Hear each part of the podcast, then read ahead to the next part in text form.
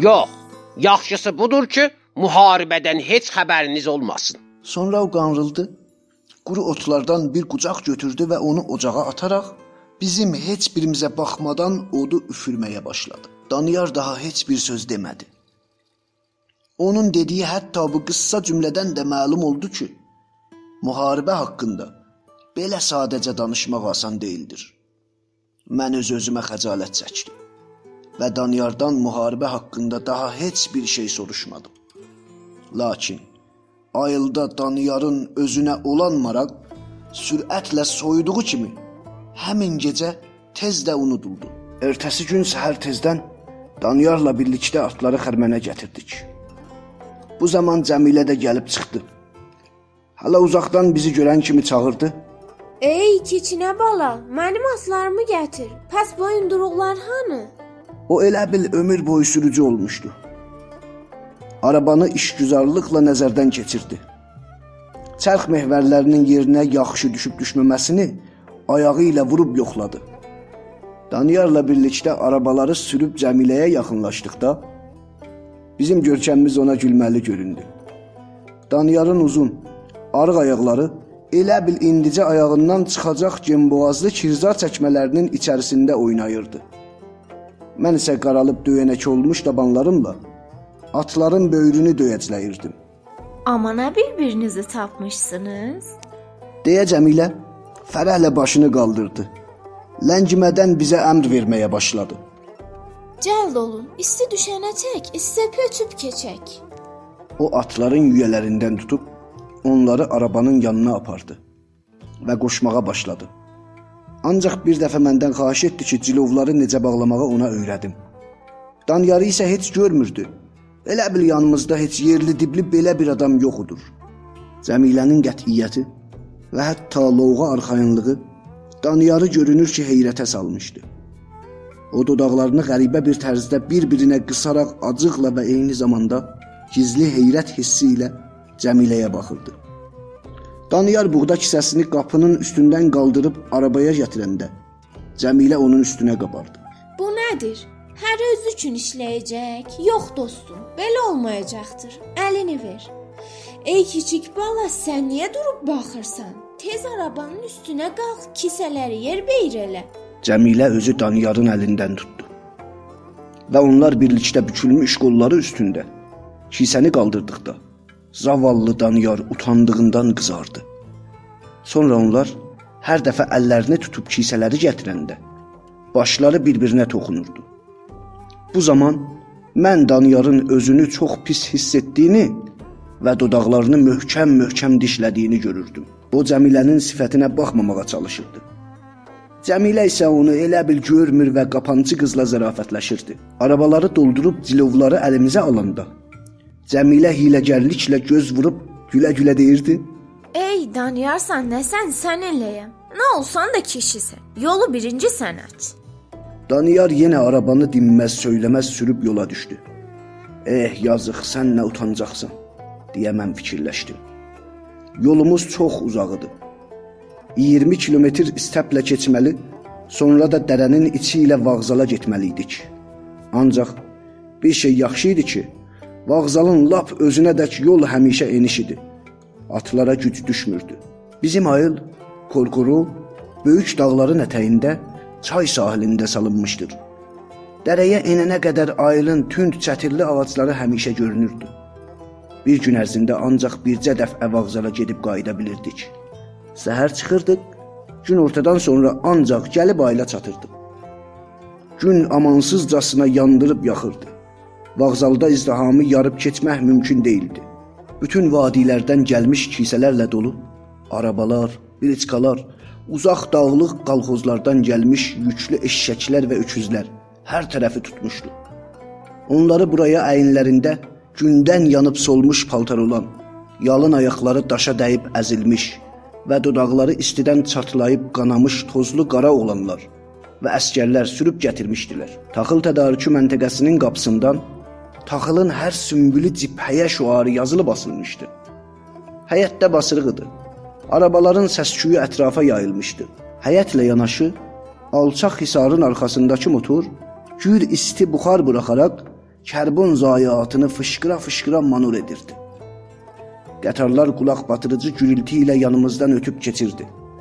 Dəvələr köpüklü ağızlarını açaraq qəzəb və həyəcanla nədildəyib qalxmaq istəmirdilər. Qəbul məntəqənin qızmış dəmir damınadək buğda tir vurulmuşdu.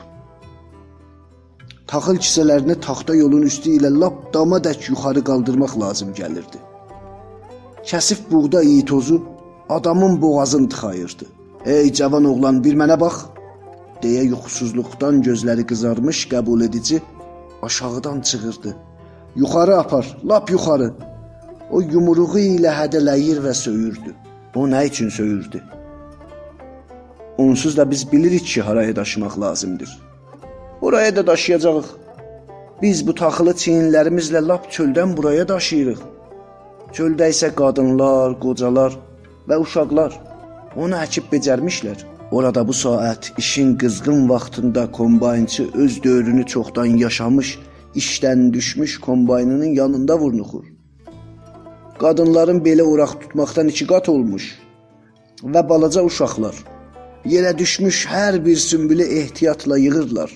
Çiyinlərimdə daşıdığım kisələrin nə cür ağır olduğu indiyədək yadımdadır.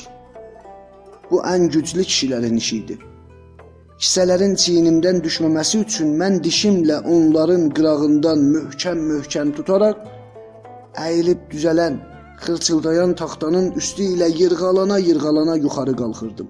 Tozdan boğazım qəhərlənir, ağırlıq qabırğalarımı basır, gözlərimə qaranlıq çökürdü. Bir neçə dəfə yolun yarısında zəiflədiyimi, kisənin çiynimdən sürüşdüyünü hiss edərkən onu yerə tullamaq və özüm də onunla birlikdə yerə yuvarlanmaq istəyirdim. Lakin dalımca adamlar gəlirdi. Onların da çiyinlərində kisə vardı. Onlar mənim yaşıdlarımdı. Onlar mən yaşda olan cavanlar ya da əskər arvadları idilər. Əgər müharibə olmasaydı, onları bu cür ağır yük daşımağa qoyardılarmı? Yox. Belə bir işi qadınlar görəndə mənim geri çəkilməyə ixtiyarım yox idi. Budur Cəmilə paltarını dizdən yuxarı çəkərək qabağımca gedirdi.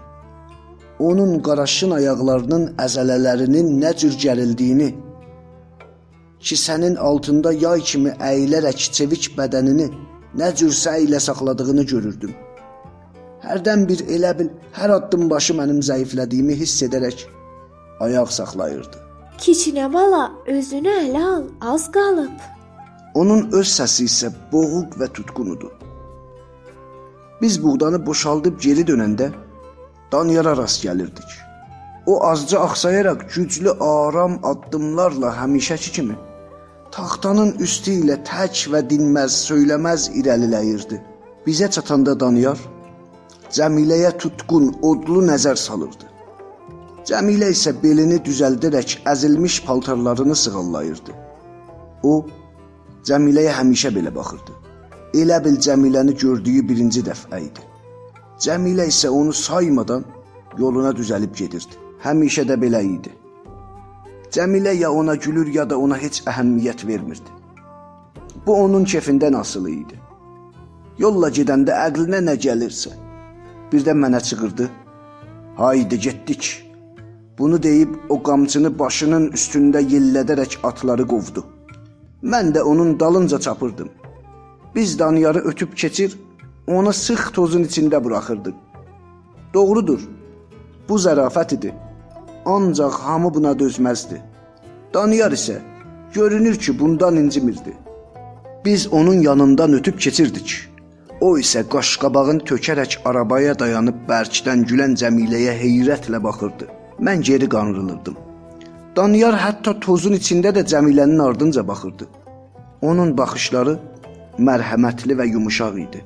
Lakin mən o zaman bu baxışlardakı inadkar, gizli qüssəni sezə bilmişdim.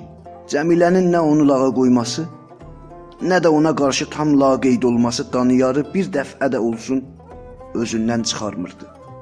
Elə bilan içmişdi ki, hər şeyə dözsün. Əvvəllər ona yazığım gəlirdi. Və bir neçə dəfə də Cəmiləyə demişdim: "Cenə, niyə ona gülürsən? Yazıq adamdır." Qoy rədd olsun. Elə belə zərafət eləyirəm. Bu yalquza heç bir şey olmaz. Sonralar mən də Daniyara Cəmilənin özündən daha bətər gülməyə başladım. Onun qəribə, inadkar baxışları məni narahat edirdi. Cəmilə kisəni çiyninə atanda bilsəniz ona nə cür baxırdı. Doğrudan da bu hayküy və tünlükdə, həyətdəki basırıqda Cəmilə öz möhkəm və dəqiq hərəkətləri, yüngül yerişi ilə narahat çığırmaqdan səsi xırıldayan adamlardan seçilirdi.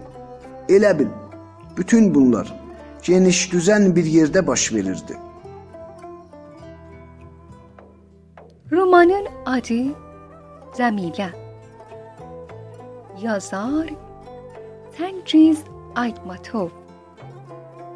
Çeviren Gılman Musayeb Hazırlayan Fatıma Mir Hasanpur Bu bölümde seslendirdiler.